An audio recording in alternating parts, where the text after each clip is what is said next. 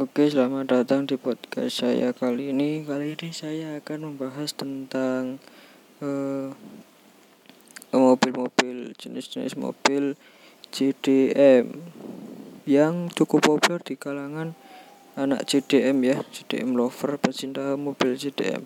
Oke, yang pertama pasti itu ada mobil Toyota Supra MK4. Itu pasti sudah uh, ada ya mobil itu ya, pasti suka semua orang mobil uh, pabrikan Toyota ini memiliki uh, model yang bagus, desain yang bagus dengan mesin bernama 2JZ GTE dan termasuk mobil yang uh, bagus ya. Yang kedua yaitu R34 ya. Ini pabrikan salah satu mobil pabrikan Nissan yang memiliki mesin bernama RB26 DETT dengan kapasitas mesin 2600 cc dengan kekuatan 3320-an horsepower ya.